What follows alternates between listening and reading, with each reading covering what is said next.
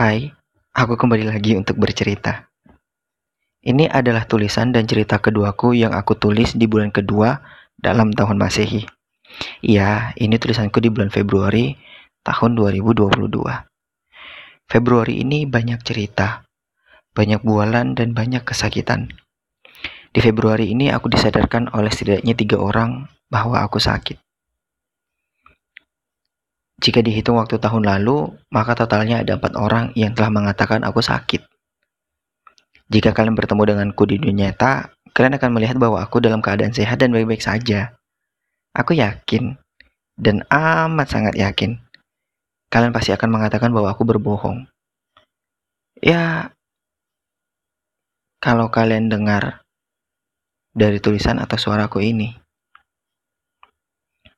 tanpa aku harus menjelaskan dengan detail, dan sesungguhnya aku pun enggan menjelaskannya, kalian tentu memahami apa yang aku maksudkan tadi. Belakangan ini, tepatnya aku juga nggak tahu kapan aku mengalaminya. Aku kesulitan untuk tidur.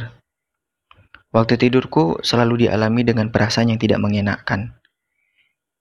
Jika aku deskripsikan apa yang kurasakan, rasanya seperti kita mengalami perasaan yang tidak enak, seperti akan terjadi sesuatu sesak di dada seperti masuk angin. Ya, aku yakin kalian bisa memahami itu. Itu yang kualami saat menjelang tidur, sebelum akhirnya aku kelelahan dan tanpa sadar aku pun tertidur.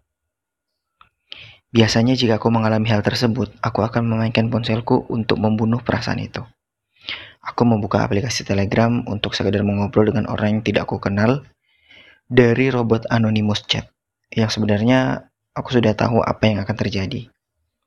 Biasanya yang terjadi adalah kiriman pesan orang-orang yang menjajakan dirinya dengan menggunakan VCS atau video call seks. Baik itu laki-laki maupun perempuan.